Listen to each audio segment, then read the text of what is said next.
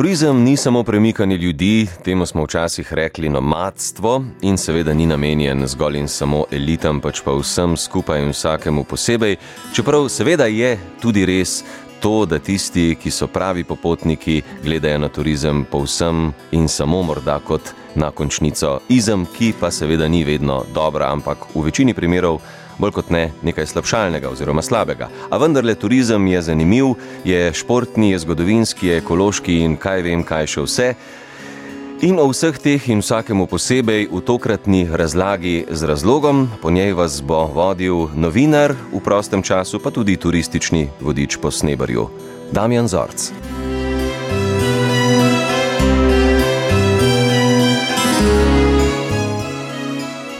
Ja, zimska turistična sezona počasi izginja v pozabo. Glavna je še vedno tista, ko smoči zamenjamo za plavutke in ta se navadno najavi prav z velikonočnimi prazniki. Ti veljajo za nekaj podobnega kot tisti pregovor, da se po jutru dan pozna. Turistični statistiki letos pri nas zagotavljajo, da je sicer do osipa turistov res da prišlo, vendar le za 4 do 6 odstotkov, kar še zdaleč ni toliko, kot so se nekateri bali. Turizem kot novodobna beseda za pojem, ki niti ni star več kot pol drugo stoletje, izvira iz francoske besede za krok, kolobar ali kroženje. Kdaj pa je nomadstvo in poslovna potovanja zamenjal pravi turizem v današnjem smislu, ne ve natančno nihče. Se pa seveda na spletu angleži po njihovi stari navadi hvalijo, da velja za prvo turistično potovanje tisto, ki ga je 5. julija 1841 skupaj s 500 popotniki izvedel škof Thomas Cook, ko so se podali na krožno pot po Angliji. Profesor Tomi Brezovec z portoroške turistike Fakultete za turistične študije razločuje turizem tudi na prvotno domeno bogatašev in kasnejši množičen razmah. Prvotne oblike turizma eh, sicer poznamo že v antiki, pa v srednjem veku, ne, ampak današ, z današnjega vidika turizem je bil res takrat omejen samo za najvišje e, družbene sloje. Ne. Recimo vemo, da so rimski imperatori imeli v Ostiji ob morju pač svojo poletne rezidence in tako naprej. Skratka, e, ljudje so tudi včasih že potovali za zabavo. Tudi v srednjem veku tako imenovani Grand Tour Eh, se pravi ne, v koncu srednjega veka in potem kasneje 15., 16., 17. stoletje, ne, ko so angliški izobraženci po eh, zaključku šolanja eh, šli na nekaj mesečno ali pa celo nekaj letno potovanje po Evropi in obiskali kraje, o katerih so se prej samo pač učili iz knjig, pa gledali kakšne grafike. Ne, ne vem, tukaj so Pompeji, Rim, Neapelj, Pariz. Eh, Švica, eh, Atene, tudi do Egipta so segli, ne? to so bila pač lahko tudi večletna potovanja. No, če pa govorimo o tistih, eh, tistem turizmu v, v, v klasičnem smislu, ne? o obiskovanju zdravilišč, obiskovanju morske obale, naravnih znamenitosti, mest in tako dalje, se pravi, da so ljudje potovali z, bom rekel, res razloga prostega časa in zabave. No, to je pa obdobje konec 18. začetek 19. Eh, eh, stoletja. No, zanimivo je, da recimo v enem od eh, angliških slovarjev leta 1800 uporabljena tudi beseda turist in opisana je nekako takole. Premožnejša oseba, ki za razliko od drugih potnikov potuje za zabavo. No, se ravno to sem hotel reči, da mi zdaj le vse tole, kar ste povedali, navaja na neko ločnico, ne, da so eh, ne, neki turisti so lahko, bom rekel, dopustničari, ne, uh -huh, uh -huh. drugi pa so tisti, ki ne izkoriščajo, eh, bom rekel, teh potovanj zgolj takrat, kadar imajo dopust, eh, tisti letni, redni letni oddih pravzaprav, ja, ja. ampak se, se poleg tega odpravljajo na pot. No, lahko bi rekli, da imamo da turiste ne, de, delimo ali pa razumemo v ožjem ali pa v širšem eh, pomenu. Ne. Po eni strani so turisti vsi, ki potujejo Eh, tudi zaradi posla, zaradi vem, obisk zdravilišč, ne, se pravi zdravlje, zdravljenje, potem romanja. Ne, ne smemo pozabiti, da so nekatera romanja zelo obsežna ne, v, v svetu uh, in seveda turizem za zabavo. Zdaj, lahko pa rečemo, tako kot angliži uporabljajo izja, uh, izraz leisure, Ne, to je res obiskovanje drugih krajev za zabavo, se pravi iz čiste lastne inicijative. No in za one druge imamo pa mi lep izraz letoviščar. Tako, ne, se pravi, ampak letoviščar že bolj, bolj nekako asocira na poletno sezono.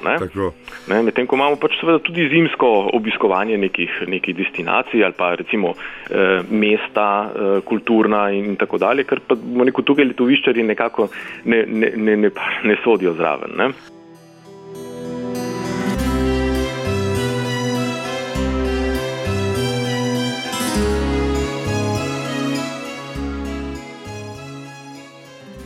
Poglejte, zdaj le me pozorno poslušajte, eh, profesor Brezovec, pa mi dodajte še kakšen turizem. Zdaj le bom naštel.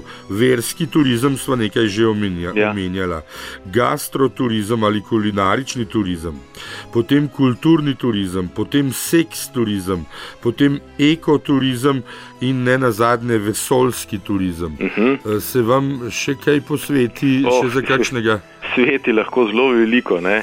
mladinski turizem, kongresni turizem, športni turizem. Veste, mislim, to, to so v bistvu pridevniki, ki nekako označujejo tisto glavno skupino ali pa glavni razlog potovanja. Ne? Se pravi, takih turizmov imamo lahko uh, res uh, zelo veliko ne? Eh, in, in delitve turistov na različne tržne segmente, če jim tako rečem, ne? je prisotna v, v, tudi v teoriji že dolgo časa, vendar ni neke poenotene klasifikacije, da bi rekli, recimo imamo 4, 5, 15, 35 vrst turizma. Ne? Namreč veste, kdaj bo najhuje, takrat, ko bo nastal izraz pitno-vodni turizem. Uh, ja, to mislim, da uh, se turizem tudi tega počasi zaveda. Namreč, če govorimo, uh, ali pa, ali pa bomo rekel, če se ta ekološka nota tudi v turizmu vedno močneje pojavlja. Ne pravite, seveda, iskanje čiste pitne vode. Ja, turizem tudi pripomore malce k, k ne malce, ampak kar, kar velik delež k onesnaževanju okolja. Tako s transportom, kot seveda z vso infrastrukturo, ki jo je treba zgraditi in seveda potem z delovanjem te infrastrukture z vsemi izpusti v zrak, v vodo, eh, proizvodno smeti in tako dalje. No in tukaj bom rekel, je ekozavest pri hotelih še na zelo, zelo eh, začetni eh, stopni. Ne? In tako kot pravite, v turizmu se že nekateri zavedajo, kako pomembno je ne žagati veje, na kateri sediš. Ja, ampak dokler bo denar prvi in zadnji in edini absolutni vladar sveta, ne, eh, pa tule mi dva ne bomo mogla prav veliko storiti. Najlepša hvala, ja. profesor Brezovec, lepo zdrav. Hvala tudi vam.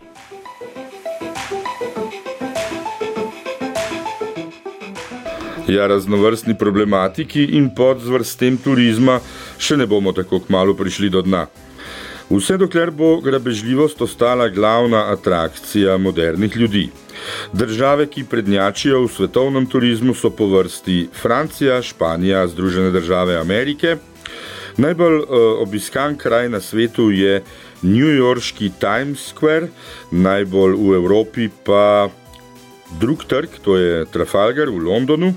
Najbolj obiskana posamična zanimivost na svetu je Pariška katedrala Notre Dame.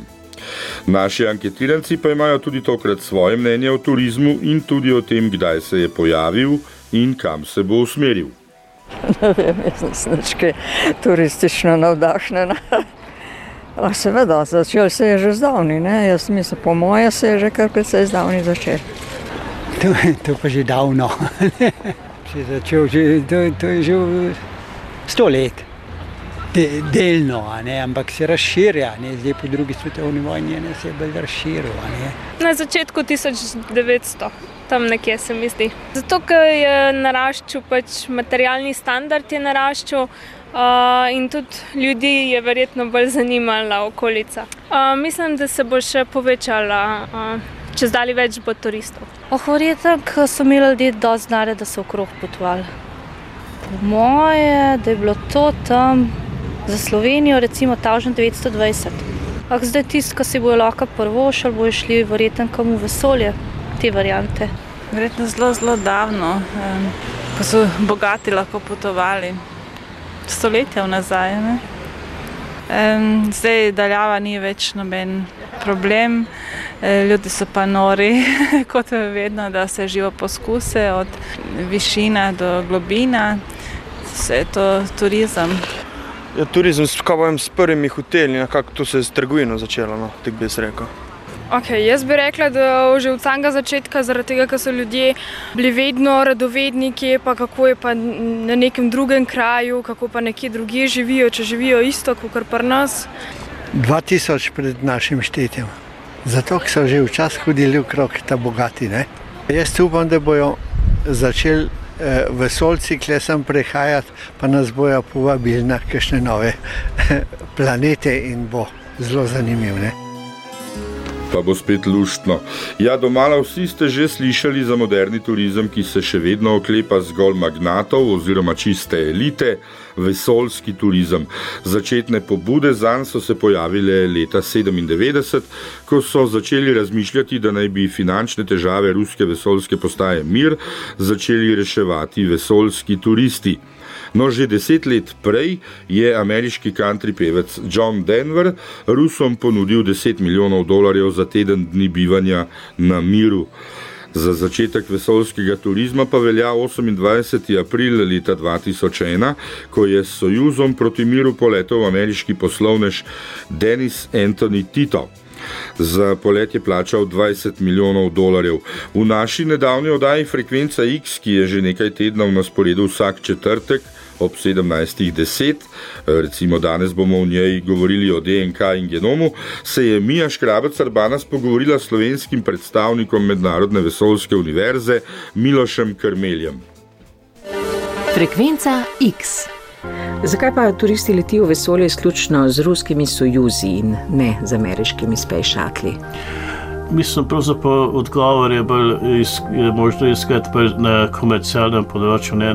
Družba si se organizira te zadeve, ameriška, medtem ko recimo Rusija, kasneje, ki je postala samostojna, ne, ko ni bila več Sovjetska zveza, se je znašla v precej narodni situaciji, se pravi finančni, in potem nekako so se odločili, da bi tudi se v ta tvegan program spustili je pa seveda ta strošek, če vse skupaj seštejemo, le manjši, kot je pa uh, pri izstrelitvi šatla. Zdaj, ocene, koliko stane izstrelitva šatla, so zelo različne, od uh, par sto milijonov dolarjev, tudi včasih do milijarde dolarjev, zelo draga zadeva, pa precej uh, tudi tvegana še vedno. Pa dovolj profitabilna, uh, da se bo prihodnosti še mogoče podati med zvezde na ruskih plovilih, govoriva pa seveda o orbitalnem vesoljskem turizmu. Ja, trenutno naj bi bila obveza uh, Rusije, da letos je na vesoljski vesoljski postaji polno zasedba šestčlanska posadka, uh, kar pomeni, da tisti prostor, ki se je sprostil, ki bi zdaj na razpolago, se pravi sedež na Sojuzu, nekako naj ne bi bil nekaj časa na razpolago, omenja se ne dve leti, obstaja pa tudi ena možnost, ne o tem razmišljajo, da bi se tudi vseeno odločili izvedeti komercialne polete tam po letu 2011, kjer bi seveda bil pač en ruski kozmonaut kot uh, vodja in z dvema turistoma. Obstaja sicer še ena zadeva, ki je bila redko da omenjena, da naj bi tudi ta vesoljski turizem šel malo globje v vesoljski prostor, da bi dva vesoljska turista z eh, vesoljsko radio sojuz obletela Luno. Ne. Ta strošek naj bi bil se precej višji, je zaenkrat sicer samo ideja, lahko se bo pa to v naslednjih letih tudi uresničilo. Zdaj, prva uh, oblika vesoljskega turizma je bila vedno predvidena kot suborbitalni vesoljski turizem.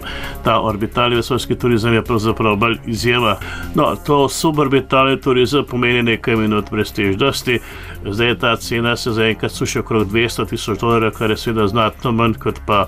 Če zaokrožimo 20 milijonov dolarjev, ampak tam seveda gre za 14-dnevno ali pa 10-dnevno potovanje v vesoljskem prostoru, bivanje na vesoljski postaji, medtem ko so proprietari tudi za me se skoko višine 100 km, nekaj minut tega užitka, krasten razgled in potem seveda vrnitev in tudi priprave za tak superbetalni turizem, seveda naj bi trajalo na največ teden dni.